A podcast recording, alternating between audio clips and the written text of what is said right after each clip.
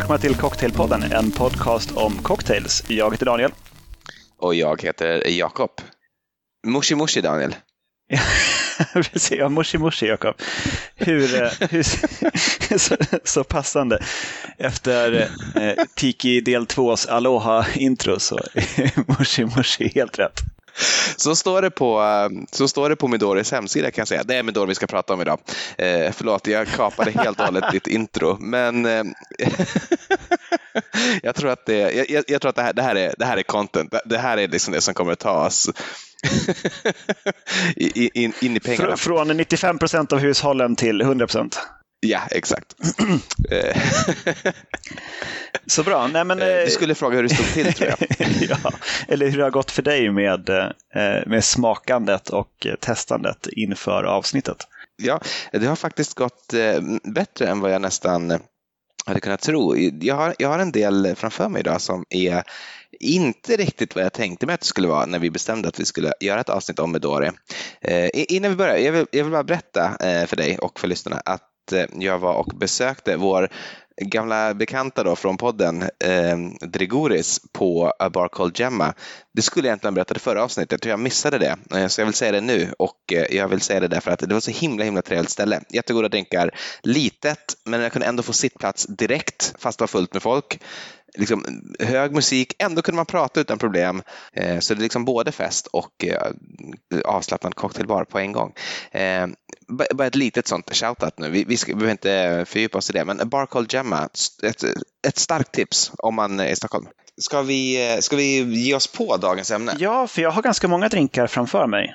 De flesta ska jag säga är skimrande i grönt. Mm. Eh, och två är det inte. det, är, det, är, faktiskt precis samma ratio som jag har också. Eh, de flesta, egentligen då, man ska, ska säga tre är skimrande i grönt och två är det inte. Eh, och eh, två av de som är skimrande i grönt är också samma drink. De, de är bara i två, i två glas, ett till mig själv och ett till min fru Linda, också känd som The Silent Sidekick. Hur ska vi ta oss an det här otroligt eh, liksom perifera och inte jättelätt researchade ämnet som vi har valt för dagen. Ja, alltså kanske börja med vad, vad Midori i grund och botten är. Det är väldigt enkelt sagt så är det en, det är en likör. Mm. Det är, jag tror att den är 20 eller 21 procent eh, alkohol. Mm. Eh, ganska söt. För en svensk gom tror jag man lättast beskriver den som att den smakar som eh, isglassen Piggelin. Ja, Verkligen. En sån, alltså melonig. Jag trodde alltid när jag var liten att Piggelin smakade päron för att den var grön. Men det är päronsplitt mm. som smakar päron. Och Piggelin smakar tydligen Midori. eller, eller melon då som, som ju är um, eh, smaken i både Midori och uh, i just Piggelin. Ja, jag har faktiskt hittat eh, när jag har på letat recept någon som har gjort eh, en drink och döpt den till Piggelin. Eh, illustrerat märkligt nog på bild då med en Piggelin i ett glas alltså glassen Piggelin då, men, men, receptet innehåller inte Piggelin utan det innehåller typ Midori och vodka. Eh, möjligtvis eh, någonting mer. Jag har det inte i huvudet, jag har heller inte framför mig. Eh, jag tyckte inte det var jättespännande så att jag, det, det liksom, it didn't make the shortlist. eh, men, men, men, det är uppenbart i alla fall att andra har gjort den här äh, kopplingen att eh, Piggelin och Midori är två, två sidor av samma mynt. Precis, och jag menar, det, den har ju funnits ganska länge, eh, Midorin. Det är ända tillbaka på 60-talet faktiskt, så den började produceras eh, under namnet Hermes Melon Liqueur eh, på mm. Suntory eh, distilleriet i, i Japan. Så 1964 började man med den produktionen. Just det. Och sen så vann man på något vis en cocktail championship i Tokyo i de tidiga, tidiga 70-talet. Och då började den liksom röra sig runt världen. Men... Jag tror att Förlåt. Ja, förlåt. jag, jag, jag, jag, tror att det var så att, eh, jag vet inte om man vann va, men det var väl att den här um, International Bartender eh, Association Cocktail Competition var i Tokyo 1971 och att det var då uh, passade man på att lansera den här Hermes eh, Melon Liqueur. Ja, det är möjligt. Eh, eller så var det en drink med just eh, den här melonlikören i som, som vann just, just det Championshipet i Tokyo. Mm, ja, möjligt. Men sen så den för liksom, den smyger sig lite grann runt världen eh, som en försiktigt rullande lömsk melon eh, fram till år 1978. Då mycket sammanfaller på en gång som gör att eh, Midori blir en, en vansinnigt stor hit eh, framöver. Eh, det är så att eh, Saturday Night Fever har ju varit en, en, en fantastiskt populär film. Jag tror att den kom ut någonstans precis där eh, det året. Så att teamet, eh, eller om den kom ut året därpå, men teamet som eh, filmade och var med i filmen eh, Saturday Night Fever, det är John Travolta och et al. Eh, som väl fortfarande är, liksom, det är, det är ju en klassiker än idag den här filmen. Men de skulle ha en eh, firmafest eller en fest för alla som var inblandade i filmmakeriet. Och det hade man på Studio 54 i New York. Och eh, det sammanföll med att man gjorde ett releaseparty för Midori på Studio 54 samma kväll. Ja, precis. Och då, och då bjöd man ju på de här äh, Japanese gin and tonic som de kallar det för. Ja, eh. och jag har faktiskt en sån. Nej, du har det? Men vad roligt. så att man, man bjöd på, det var det och lite andra drinkar tror jag och eh, sånt som man hade just då på, på den kvällen. Men en eh, Japanese gin and tonic är 4 centiliter gin, 2 centiliter Midori, 1 centiliter citronjuice, eh, bygg i ett Collinsglas med is och toppa med tonic. Och jag kan ju verkligen föreställa mig hur skimrande vackert grön den måste ha varit där under diskokulan på Studio 54 när, när den här eh, rebrandade Hermes Melon Liqueur eh, kom som Midori. Midori betyder ju för övrigt grön va, på japanska, så har jag förstått av reklamen i alla fall. Precis, vilket gör den svårgooglad ibland. Eh, för man får massa mm sidor med japanska träffar som man inte kan läsa. Men eh, Japanese gin tonic, den smakar som man kan tänka sig. Det är som en lätt Piggelin-doftande gin and tonic. Och det låter ju fantastiskt. Det är, det är ju inte äckligt. Det är ju gott och lite festligt. Alltså lite, lite barnkalas om man har reserverat sprit på barnkalas. Ja, och jag tror att det eh, det är kanske det man ska göra för att den tillställningen ska bli uthärdlig. Så eh, vi, vi, vi, rekommenderar det. Eh, det. Det är ett budskap som vi båda ställer oss bakom och eh, kan stå för när det börjar blåsa. Sen, har du gjort någon, någon Japanese slipper? Uh, ja, inte bara en, utan två. Men jag, jag skulle in, jag, kan, jag kan ta dem alldeles strax, men innan det så skulle jag bara vilja nämna att uh, år 1978 då, Midori blir en uh, stor hit. Och det är tydligen liksom den första fruktlikören. Jag vet inte exakt vad det ska betyda, men enligt då historieböckerna så är det the first fruity liquor of its type, typ i USA. Jag tänker, jag tänker att typ likörer... Grand Marnier måste vara äldre. Ja, jag vet inte. ja, det, det är det säkert. Jag vet inte. Och, och, det kanske är så här, ja men det är ju citrus. Jag, jag, jag, vet faktiskt inte vad, exakt vad det ska innebära. Men på något sätt i alla fall en sån supersöt, liksom eh, nästan artificiellt söt eh, eh, likör verkar inte ha funnits på den amerikanska marknaden innan. Nu är ju Midori förresten inte lika sött längre som det var på den tiden. 2012 eller 2013 så ändrade man receptet lite grann när vi kommer till det, men man drog ner sockerhalten och försökte få den att smaka mindre, mindre artificiellt och mer som den här riktiga Yubaro och muskmelonen som den är gjord på.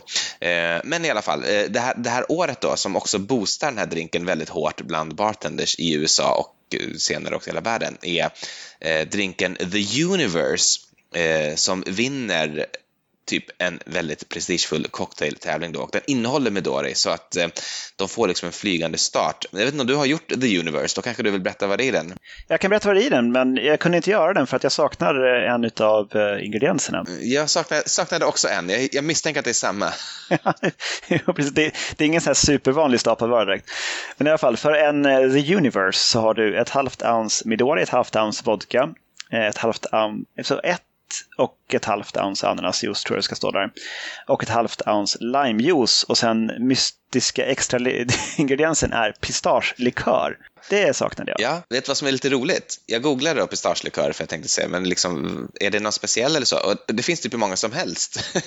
det verkar liksom verkligen vara en, en kategori i typ Italien. Det låter ju gott. Och, och grönt tänker jag mig. Ja, men exakt. Och så här, fast liksom lite så eh, hazy. Eh, inte klart grönt som Midori då, utan lite lite eh, dimmigt grön. Grumligt kanske man säger. Jo, men Japanese Slipper.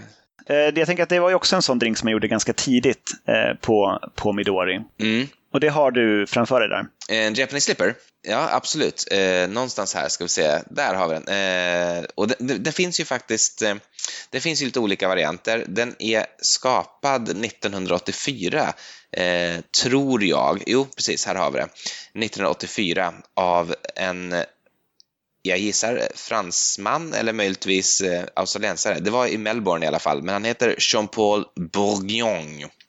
Eh, och han jobbade på Mietas restaurant i Melbourne eh, och han satte ihop den här drinken då. Och det recept som man oftast träffar på och som jag också tror är originalreceptet, då ska det vara då lika delar, förslagsvis 3 centiliter var, av Midori, eh, trippelsec och citronjuice. Och det är den jag har framför mig idag. Tidigare i eh, veckan, eller om det möjligtvis var i förra helgen, så eh, gjorde jag det receptet på Japanese slipper som man kan hitta på Diffords guide. Då var jag ute i stugan och hade ingen sån här riktig koll på att det inte alls är det vanliga receptet. Jag la också upp det som en story, men under det märkligt felaktiga namnet Japanese slippers. Jag vet inte om du såg mina felstavningar. Nej, jag missade nog det. Men det var inte första drinken den kvällen? Eller? Märkligt nog, ja, det var det. Eh, men jag, är förfärligt dålig på att skriva på telefonen och eh, när, man, när jag gör det på ett vanligt Instagram-inlägg så får jag, då kan jag gå in och rätta, det går ju att redigera. Så det brukar jag få göra en tre, fyra gånger, men eh, liksom för allt detta jag ser fel som jag har gjort. Men de här storiesna kan man liksom inte justera efter man väl har publicerat dem, så det fick bli en Japanese slippers då. Men strunt i det. I Differs recept ska det vara två shots med eh, Patron Reposado Tequila, ett shot eh, Medori och ett shot med eh, limejuice. Och ja, du hör ju själv, det är en, en helt annan drink. Eh, förvisso... Det är, det är någon slags margarita. Ja, det är det. Typ en, en melonmargarita. Och väldigt, väldigt god var den. Och för att du verkligen ska förstå att det är en margarita så ska den också ha ett saltrim eh, som garnering. Eh, men, men, men, det är inte alls det här som är originalet då, utan det ska som sagt vara lika delar eh, trippelsec, Midori och citron. Och eh, jag ska smaka en nu. Jag har den eh, i ett eh, rakväggat martiniglas med ett litet maraschino-körsbär i botten. Vi hade lite tekniskt haveri här alldeles nyss, eh, så vi sitter och spelar in nu på ett väldigt low-tech sätt med en blandning av headset och telefoner och eh, liksom helt vanliga eh, telefonhörlurar.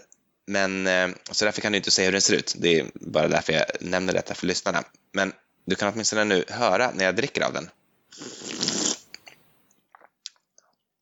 Ja, men det här är det, det är, eh, det är inte så raffinerat, men det måste det inte alltid vara. Det här är ju en drink som, om du tänker att typ dina släktingar skulle komma på besök, de kanske är 45 och uppåt, då är det här en superfestlig drink att bjuda dem på. De, om, om de liksom inte är cocktail aficionados utan bara helt vanliga glada drinkare. Eh, då tror jag verkligen att det här är en hit för att eh, den, är, den är söt, den är syrlig och eh, den smakar melon och är grön. Så att, ja men full poäng. Not, not literally, of course. inte, liksom, inte, inte den vanliga fullpoängskalan eh, med, med fem stjärnor. Nej. Utan någon någon mera lättsam eh, femstjärnig skala. Jag har en, en drink som är jämnårig med din faktiskt, om din eh, nedtecknades 1984. Mm. Nämligen Green Eyes. Mm, mm. Som eh, blekt grön eh, ogenomskinlig historia i ett glas med krossad is. Eh, garnerat med maraschino, körsbär och ett tjusigt litet paraply. Och det faktiskt eh, rekommenderas också i de recept jag har sett på, på Green Eyes. 1984 så var det eh, olympiska spelen i Los Angeles. Och på den tiden, det vet jag kanske man fortfarande gör, men jag har i sådana fall missat det alla år jag har funnits till. Men man gjorde en officiell drink till de olympiska spelen. Är det sant? Det tror inte jag ja. att, att, det har, att det har varit varje OS. jo, det, det, här var enligt väldigt många källor den officiella drinken till olympiska spelen. Ja, okay. Uh, Green Eyes heter den då. Och då har du ett ounce ljusrom, ett ounce Midori, ett ounce sötad kokosgrädde. Och där ska det vara alltså, någonting som är snarlikt med Coco Lopez. Mm. Uh, de här kokosgrädden man kan köpa som är för matlagning, eh, de är ju inte sötade. Så då får du då får du inte, inte riktigt rätt balans i drinken, även om den kanske blir lite gräddigare och mera vit och mera, kanske till och med mera kokossmakande. Det som är närmare sanningen är någon form av kokossirap. Men om man har kokossirap och kanske gör den lite, lite mindre söt så kanske man kan emulera en Coco Lopez om man inte har sådan hemma. Och Var kan man få tag på Coco Lopez annars då? Det finns på, man kan googla på det, men det finns en del webbshoppar i Sverige som, som säljer Coco Lopez. Det är en liten sån eh, konservburk som den säljs i. Och sen så en gammaldags eh, blått tryck, så är det Coco Lopez. Mm.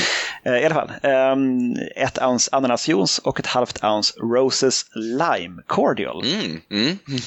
Mycket, Den här ska skakas till is och silas till ett isfyllt glas. Ehm, och eh, det är faktiskt inte helt dumt. Den, den hade ju vunnit på att få en liten, liten skvätt med någonting syrligt i. Mm. Eh, Det hör man ju också i receptet att här, det, sak- det saknas någonting som man idag skulle tycka behövas för att det skulle vara god balans i den. Men om man vill ha en söt eh, Piggelini kokosdrink med paraply och maraschino-körsbär, då, då är det här helt rätt. Och ibland vill man ju faktiskt det. Ja, man gör ju det. Och jag tror att det också kanske, det är också när man vill det som man plockar fram sin flaska Midori. Jag tror i och för sig nu att Midori håller på att eh, liksom eh, få, ett bra rykte igen. Men det känns ju som att det har varit verkligen en av de här likörerna som ingen seriös mixolog har velat ta i med tång, eh, liksom den här sidan av 00-talet. Men eh, Men jag tror det hände mycket där 2012 när man, man bytte recept. För att som jag har förstått det så innan 2012, för det, här har man liksom inte gått, man har gått åt andra hållet kan man säga. För innan 2012 så var det artificiella smaker mm, och inga frukter skadades i, i tillverkningen. Men efter 2012 så har man försökt skapa samma eller liknande smak fast göra det på riktigt. just Det är det. en mycket dyrare och mer omständig eh, process. Så eh, tidigare så använde man inte vare sig jubarimeloner eller muskmeloner. Vad nu muskmelon egentligen heter på svenska vet jag inte, men jag, jag har valt att kalla den för muskmelon. Ja, alltså det, jag, jag, märkligt namn. jag har försökt också eh, liksom, klura det där och det är inte så lätt för det är ingen speciell melon, det är det inte på engelska heller, utan det som man brukar säga på svenska är typ matmelon. Eh, och det verkar Jaha. vara liksom ett samlingsnamn på typ alla meloner som inte är vattenmeloner, typ, eller liknande. Så att det är så här, Galia-melon är en muskmelon, och, eller matmelon, och även såna här typ georgiska gurkor, eller vad de heter, som är så här smala, jättefula, små gurkliknande Okej. saker som egentligen är meloner, är typ muskmelon. Så det säger inte så mycket. Eh, Men, men jag, när man ser liksom bilder så är det någonting som ser ut som typ Galia, tycker jag, eh, på, på alltså Midori då. Så att jag, jag tror att det är något i den stilen som det ska eh, som det ska vara. Men så här står det på Bar Magazine eh, i alla fall om Midori. Eh, Midori is made from two fresh melons, Yubari and Musk, which are sourced exclusively in Japan. Så jag gissar att den varianten av muskmelon som de använder till Midori är någon som bara finns i Japan. Då. Så tolkar jag detta citat i alla fall. Ja, så måste det vara. Och det, men det är också det så som det skrivs om den. Att eh, det är inte bara, bara Japan heller, utan det är Jubari-meloner från Jubari City på, norr, på norra ön. Ja, Eh, och sen eh, eh, muskmeloner enbart från Aichi och Shizuoka-provinserna som ligger söder om Tokyo. Som är berömda då för att producera just meloner. Och meloner från den regionen eh, säljs för på marknaden då, för mellan 40 och 200 dollar per styck. Ja, alltså det tror ju jag. Alltså det, jag vet att japaner kan ha såna där liksom hyst för sig, men jag kan ju inte tänka mig att eh, liksom Suntory köper in meloner för det priset till sin Midori-tillverkning. Då skulle den kosta mer än vad den gör, tänker jag. Jag, tänker det också. Okej, men hur som helst, man tar, man tar sina, eh, sin B-upplaga av meloner och, och sen så, så pressar man de här till, eh, till melonmos eh, när de är i säsong och sen fryser man in det här för att kunna producera året runt. Mm. Och sen så gör man, tinar man upp moset och gör en, en, dels en infusion, på Yubari-melon och även en, ett destillat eh, som, man, som man gör utan jäsning. Då. Man blandar melonmoset med sprit och destillerar om det, men man gör också en infusion bara, Mm. som man inte destillerar. Ja, okej, och Och blandar. sen blandas de här med en infusion på muskmelon. Och sen det här blir då ett, ett, som ett koncentrat på, på smaken. Eh, som är svagt orange till färgen. kanske inte stämmer så mycket överens med tanken på Midori. Um, och det ligger på någonstans runt 59 procent. Och det här sen skickas från Japan till eh, Frankrike och till Mexiko. Där eh, färdigställs genom att det blandas med en eh, tvåårig brandy från konjak och rörsocker och grönt färgämne. Så, och så kommer man ner i, i rätt procenthalt alkohol. Så det är väldigt mycket socker i. Mm. Jag, jag har läst att den franska varianten ska vara sötare än den då mexikanska. Jag vet inte. Så kan det kanske vara. All, all som säljs i Europa ska vara den fransktillverkade. Ja, så i så fall så är den vi har en sötare variant än eh, originalet. Eller originalet ska jag säga, än, än den i, på andra sidan vattnet. Men, men någonstans blir det originalet tycker man eftersom den det var i New York som Midori lanserades. Även om de har liksom verkligen lanserat sig själva som en japansk produkt så är ju New York liksom hemmamarknad. Eh, om du förstår vad jag tänker. Ja, jo, det är ju, det är ju nattklubb och fest och neonljus. Jag tror att man ofta i början så la man i sådana här neonpinnar i glasen. Ja, för att understryka det. att det, var, det här är det här är, det är glam. Eh, och är man på Medoris hemsida än idag så är ju liksom typsnittet som att det ska vara sådana neonskyltar eh, med, med, med, allt som är där egentligen. Eh, där det... Jag tycker den är väldigt fin faktiskt, den, den, den hemsidan. Midoriworld.com kan man eh, släntra in på faktiskt. Det tycker, jag, det tycker jag man ska göra. Det tycker jag också. Det är väldigt många drinkar och en hel del av dem som, eh, som faktiskt är väldigt intressanta. Jag har gjort Uh, åtminstone en därifrån som heter Midori Aperitivo. Oh, som jag har framför mig här. Inte den jag har gjort. Jag har, jag har två därifrån. Eh, nu blir det spännande nedräkningar. Ja, men kör Midori Aperitivo. okay. Då har du en, eh, ett ounce Midori, ett ounce Cherry och då har jag använt Fino. Ett halvt ounce Aperol, ett fjärdedels ounce limejuice. Det ska skakas med is och silas till ett enligt bilden då rakväggat cocktailglas och sen ska det eh, enligt texten garneras med apelsinzest men jag har gjort det med citronzest. Och eh, alltså det står inte vilken sherry det ska vara, mm. men jag tror, tyck, tror nog att Fino ändå blev rätt bra. Jag, jag tycker den här är jättegod. En inte så tydlig Midori-smak längre när den har gått igenom den här behandlingen. Mm. Det betyder att det faktiskt finns sätt att uh, få Midori att ta en, en andra en andra fiol. Ja, för det är ju det, det tror jag, det är det här liksom, vi kan väl säga att det finns ju på något sätt, alltså 2013-2012 när de ändrade recepter är ju en vattendelare, tror jag också i hur Medori har velat branda sig själv. Eh, och de har ju anställt nu någon sorts brand ambassador, tror jag, liksom för första gången. Jag, jag, jag tror inte de har haft det tidigare egentligen. Eh, och den personen har fått i uppdrag att eh, hitta på eh, liksom, nya drinkar som ska kunna göra alltså, Midori vuxet. Alltså man ska vara vuxendrinkar då med Midori, inte de här eh, galna drinkarna. I, inte barnkalas, inte Piggelin, utan någonting vuxet, men ändå liksom med Midori fun, eh, för det ska ändå vara roligt så. Och eh, jag tror att den här Midori Aperitivo kan säkert vara ett resultat av det. Mm. Ja, den är väldigt lyckad också. Skulle vara kul att prova med lite andra sherrysorter också. Eh, någonting lite tyngre, men det här lätt fruktigt, blommigt och eh, med en lätt behaglig beska eh, på eftersmaken från Aperolen. Jag kanske kan ta någonting annat. Riktig vinnare. Eh, jag kanske kan få dra en, en som jag har hämtat från deras hemsida. Jag har också sett det här receptet på flera andra ställen faktiskt, så jag tror att det är någonting som har spritt sig.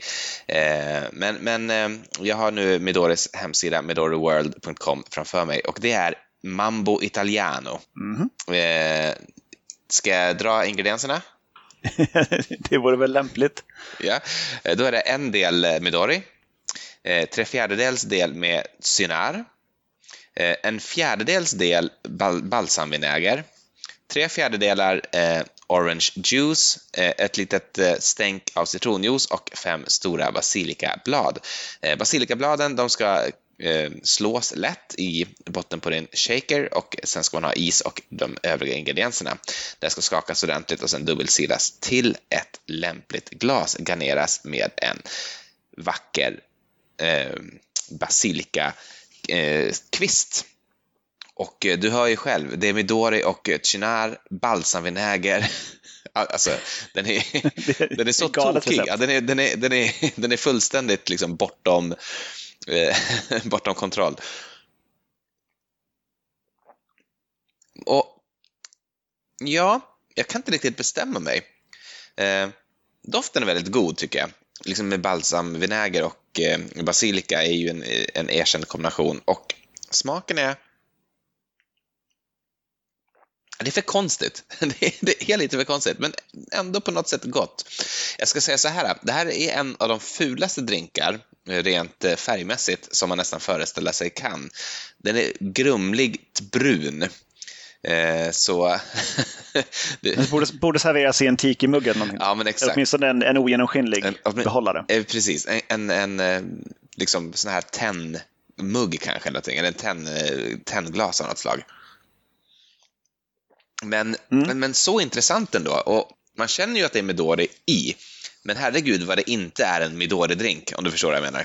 Ja, jag har också en faktiskt som är lite grann, vi kan ta den eh, direkt nu, för det är lite grann i samma tänk och stil. Att man eh, med lite italiensk vinkling, eh, typ i alla fall. Den heter I think I'm turning Giapponese. ja, det är jättemärkligt namn. Men den, den är från eh, en, eh, en tävling som var 2015 som hette eh, Midori Mellon Masuta Cocktail Competition. Som hade massa deltävlingar i olika delstater i USA. Och, eh, de flesta recepten hade väldigt speciella ingredienser så det var nästan omöjligt att, att göra dem. Men här var en faktiskt en som i det närmaste är någon form av Campari Tiki-drink med Midori. Oj! Och och som sådan så, så funkar den väldigt, väldigt, väldigt bra. Eh, du har ett ounce Midori, ett ounce Campari, ett halvt ounce ananasjuice, eh, tre fjärdedels ounce eh, limejuice och eh, strax under 0,375 ounce, vad det kan bli. Mm. Men det är så receptet är skrivet, av orgeat. Eh, och då ska du skaka allt utom ett halvt ounce av Camparin med is och sida till ett Collinsglas fyllt med krossad is och sen fylla upp med lite mera krossad is och sen ovanpå det häller du på den resterande Camparin som en float. Och garnera med maraschino, körsbär och ananasblad. Det, och så om man gillar beska drinkar, mm. om man gillar Campari, om man gillar en Jungle Bird, mm. så är man helt hemma med den här. Det, är, det här är absolut vinnaren för mig idag. Det här är en riktigt, riktigt bra drink. Gud vad intressant. Vad roligt att det är så kul att man kan hitta sånt där som man typ aldrig hade kunnat fantisera ihop själv heller. Men, men som liksom bara tar en någon, någon helt annanstans och man gillar den platsen. Mm. Alltså, Midori och ananas eh, och det förekommer i många av de här 70-talsdrinkarna också. Mm. Så man var ju någonting på spåren där. Men det man behövde för att sy ihop alltihopa var orchat och Campari. det kanske man inte tänkte på på den tiden. I alla fall, det var en karl som hette Brian Prugalidad på Brasero Cochina i San Diego som hade bidragit med den här eh, till tävlingen. Och han vann också den kaliforniska deltävlingen och eh, jag har inte provat några andra bidrag från där men jag tänker mig att det var en rätt beslut. Det, låter ju som att det kan vara rättvist. Eh, väldigt svag koppling då, men, men eh, ananas. eh, så vill jag dra en, en drink. Jag har pratat om den här i ett poddavsnitt för väldigt länge sedan. Jag tror att det är två ingrediensavsnittet. För den har nämligen två ingredienser och eh, den är lite av en sån här eh, Eh, jag skulle inte säga stapelvara hemma hos oss, men den, den dyker ändå fram då och då. Liksom, att man säger, men fasen, ska vi inte ta oss en guardabosk? Eh, och det, det, så här, den är, vi har fått den från The Difference Guide och eh, så här står det då på About, a popular cocktail in Mexico. Eh, och jag tänkte att jag skulle undersöka det här nu och har försökt googla på guardabosk, eh, som förut betyder skogsvaktare har jag lärt mig då under de här googlingarna. Men jag hittade fasen inte någon annanstans alltså, någon referens till den här drinken. Så jag, jag, får väl tro på Diffords förstås och säga att eh, det är nog så. Det här är en populär cocktail i Mexiko, men jag har inte hittat några belägg för det annat än på Diffords guide. Eh, hur som helst, god är den och eh, inte, så, eh, inte så oskön för ögat heller. Eh, den är ju skimrande vackert grön som så mycket annat med Midori. Eh, I en guardabosk så ska det vara då en och en halv shot med eh, eh Patron Reposado Tequila, eh, eller någon annan Reposado, och en shot med Midori. Eh, det här ska skakas och sen silas till ett isfyllt rocksglas. Garneras med en ananasskiva eller ananasklyfta. Och det var det som var då den här kopplingen. Jag har gjort den här, jag hade tyvärr, jag har tyvärr ingen... Sömlöst. Ja, verkligen. man, man, märkte inte att vi har bytt ämne helt plötsligt. Eh, det var verkligen så, så, så sömlöst och fint. Men jag, jag hade ingen ananas, så att den här har inte ananas heller, så att den här kopplingen var ju ännu, ännu sämre. Men eftersom vi inte har någon webbkamera idag så kan ju du inte se det, så att du får föreställa dig att det är en, en ananasskiva. Okay. Mm. Men god är den, alltså herregud. det, är en, det, är, det, här är en jättefin drink. Den låter ju som att den skulle vara eh, totalt eh, tråkig och som någon sorts liksom, grogg man skulle kunna bli serverad på inte vet jag, sin kusins studentskiva efter att föräldrarna har gått och lagt sig. Men eh, det här är en toppendrink alltså. Den är jätte, jättebra. Ja, jag kan förstå det. Jag, jag gjorde en, en väldigt, väldigt grön drink innan, eh, alltså i veckan nu som var. Som, för jag tycker att det var länge sedan vi hade eh, tv-referenser. Mm. Så jag tänkte att jag skulle plocka med en från den eh, i, i skam och vanära numera insomnade tv-serien eh, Game of Thrones. Mm. så är det någon som har gjort en Parker Gerard på eh, en bar som heter Barrel i Washington DC som har gjort eh, en drink då på temat detta. Och det heter The Mad King. Mm. Det var en, en kung där som ville elda upp allihopa och så.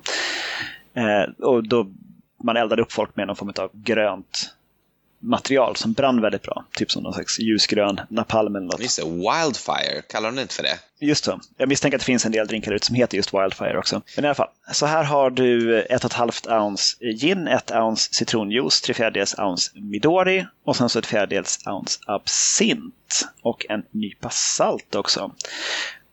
Tar du först absinten och häller den i ett glas och det behöver inte nödvändigtvis vara kylt för det kommer att förklaras snart varför. Eh, och sen tar, resten tar du i, eh, i en shaker och skakar med is. Eh, och eh, medan det sen vilar lite grann i shakern så tänder du eld på absinten när du har hällt den i glaset. Eh, med någon form av sån här liksom, bordsbrännare eller något. Och sen får det brinna ett litet tag och sen så häller du på drinken från shakern ner på den brinnande absinten så att den släcks. Nästan omöjligt att få ett foto som, där man kan se absinten. så jag, I slutade med att jag ställde glaset när det var färdigt sen framför lite eh, braseld så fick det se, se, se, se nog ut. För det, det, absint brinner med en sån hopplöst svag blå låga att mm. det, inte, det inte gör något det blir ingenting på, på ett foto. Men eh, själva drinken i sig var, det är ju det är någon form av eh, gin sour eh, sötad med, eh, med Midori. Och det förstår man ju bara på den beskrivningen att det, det kommer att vara en, en, god drink och det var det också. Ja, det kan man verkligen med förstå. Hint av absint. Eh, ja, för Midori är ju gott.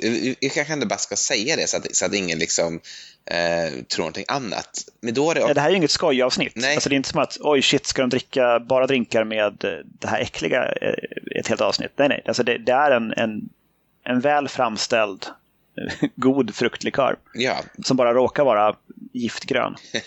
och det, det, det, har ju sina historiska skäl och, och de kanske man vill liksom tona ner då, men, men faktum kvarstår. Eh, Midori, åtminstone Midori Post 2012 är en riktigt bra likör. Jag har en eh, till drink eh, framför mig som jag inte har pratat om än.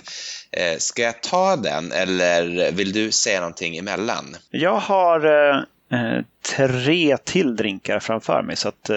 då, kanske, då kanske du ska, då kanske du ska börja hugga in på dem. Det är bra, men då hoppar jag in med en Electric Circus. Eh, som är tre fjärdedels ounce, det är lika delar då. Det här är en, eh, en, eh, en last word riff kan man säga. Mm. Så det är lika delar gin, midori, citronjuice och eh, genepi. Eh, genepi är en en, ytterligare en, en alplikör från Frankrike. Eh, som ska påminna vagt om grön och gul chartreuse men också med lite anis på något vis. Mm. Och det är ju ingen vettig människa som har hemma och jag är en vettig människa så jag har inte Genepi hemma. så att jag gjorde vad man föreslår i, i, i recept eh, där man skriver om den här då, att man använder grön chartreuse och ett stänk absint. Eh, istället för de föreskrivna Barkeep Chinese Bitters som jag inte heller har. Men det är verkligen det officiella receptet på Electric Circus. Ja, så stört. Eh, skaka med is och sirap till ett kylt kokglas. Och den blir, eh, ja, med grön chartreuse och Midori förstås väldigt grön. Närmast självlysande. God, men jag tycker ändå att det saknas maraschino. ja. Jag tycker att Maraschino gör ett bättre jobb än, än Midori i, eh, jag kan, i den här drinken. Jag kan ändå tänka mig det. Eh, jag kan verkligen tänka mig det. Vill du köra en till på en gång? Ja, men det kan jag väl ändå göra. Eh, ska vi se. Jo, en Redemption nummer tre. Tusan, det måste vara den här. Det. de är till förvirring lika varandra nu på slutet. um, här har vi eh, ett och ett halvt ounce Midori, så det är en väldigt Midori-tung drink ett ounce citronjuice, ett halvt ounce grön chartreuse, ett halvt ounce japansk whisky och då har jag använt Nicka from the barrel eh, från min frus förråd. Så att eh, när hon väl kommer ikapp och lyssnar på det här avsnittet så får jag väl en, en åthutning. Ja, varit där och dina fiskar varma. Eh, ett fjärdedels ounce ingefärssirap och sen en lite spesig ingrediens som är eh, tre droppar wasabi-tinktur och en äggvita. Och wasabi-tinktur, det tar man helt enkelt neutral sprit och wasabi och sen får det stå ett tag och sen så silar man det genom ett kaffefilter. Och hur smakar det då sen? Smakar det liksom så här stingy som wasabi? Ja, alltså det, det doftar ju mer av pepparrot, men du får inte riktigt den här säger man, bihålerensande effekten som du får, kan få från wasabi. Okay. Och i drinken märks det knappt alls. Det är en god drink, eh, absolut. Och även här så trots att det är så mycket Midori så blir det inte supermidorigt. Mm. Om du är med på det? Ja, absolut. Jag är verkligen med på det. För att jag har ju upplevt mm. samma med flera av mina drinkar nu, i, idag och den här veckan. Eh... Och det tycker jag väl är den stora behållningen med avsnittet också, eh, för min egen del. Är att, eh, att upptäcka Midori som jag ändå inte har haft hemma, eller haft ett intresse av att köpa hem. Men som jag nu ändå ser kan göra rätt mycket kul med. Ja. Alltså inte bara, inte bara på skoj, utan eh, riktigt bra drinkar. Ja, men vi har ju haft lite så här, kanske lite delade meningar då, fram till idag gissar jag.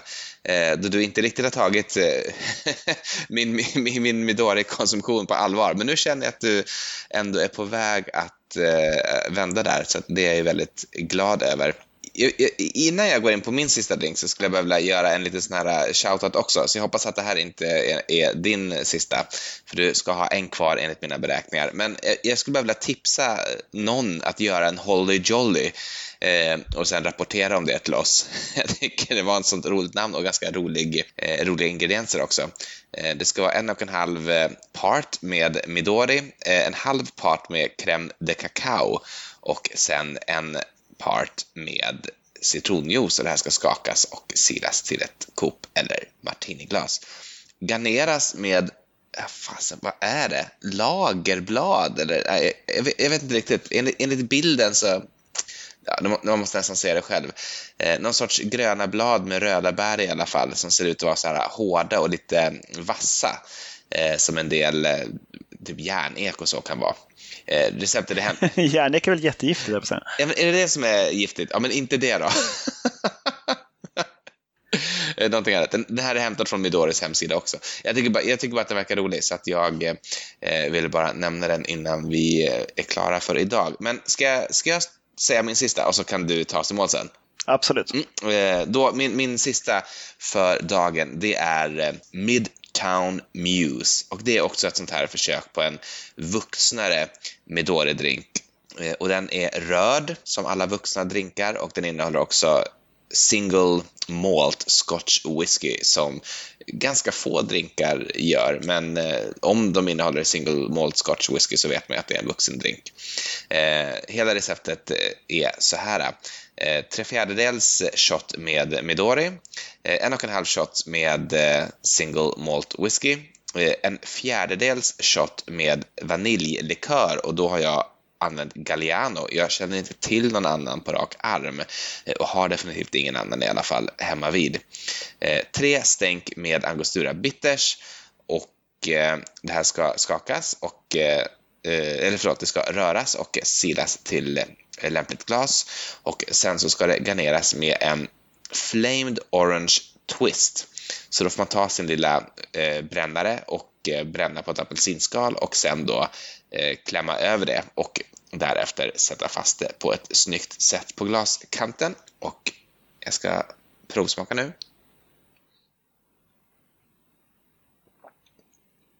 Mm. Smakar inte mycket Midori, smakar faktiskt mer Galliano trots att det inte innehåller, Det innehåller bara en tredjedel så mycket Galliano som Midori, men väldigt vaniljig. Rätt god faktiskt. Mm. Härligt. Tre och en halv. Eh, inte fantastisk, men, ändå, eh, men, men, fantastiskt intressant ska vi säga då. För att det här är verkligen inte vad jag tänkte mig som en Midori-drink innan det här avsnittet. Så jag har verkligen lärt mig någonting. Ja, vad kul. Eh, då så har jag ett recept till och en avbön. Okej, okay. kör i vilken ordning du vill. jag kör receptet först och sen avbön. Midori Sour förekommer i väldigt många olika recept och olika eh, ratior på hur man kan göra allt från en helt vanlig sour till lite mer liksom, märkliga sammansättningar. Men här är någon som har försökt förbättra detta. Det är en karl som heter Chame Dowerman från The Up and Up i New York som har gjort vad han kallar för Insanely Good Midori Sour. Mm. Det är ett namn som lovar mycket. Ja, det gör det verkligen. ett ounce Midori, ett ounce eh, gin. Eh, med fördel då en, en, lite starkare gin om man har. Eh, tre fjärdedels ounce citronjuice. Ett halvt ounce med lime cordial, alltså som Roses lime eller hemmagjord. En äggvita skakas med is och silas till ett glas av lämplig sort som helst är kylt. Mm, insanely good. Mm, är det det? alltså det är gott. jag, vet inte.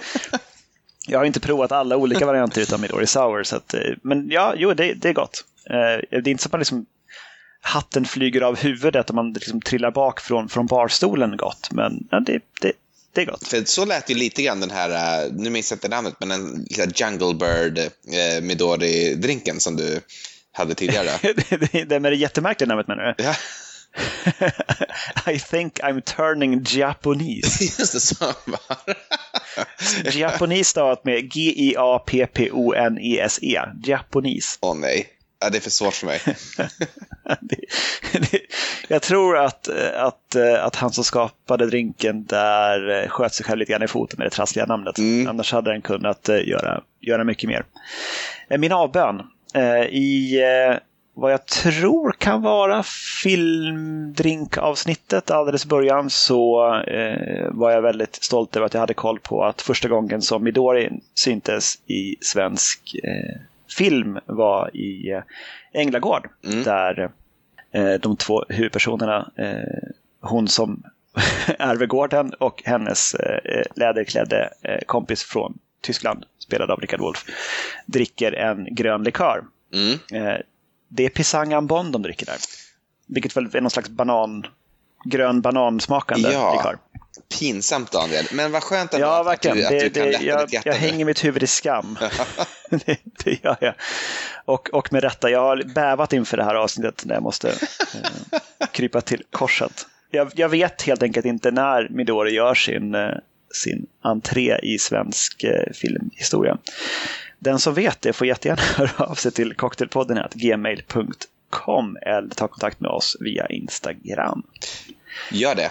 Och med detta Eh, skål Jakob och eh, godnatt. Skål Daniel och godnatt och tack för att ni har lyssnat.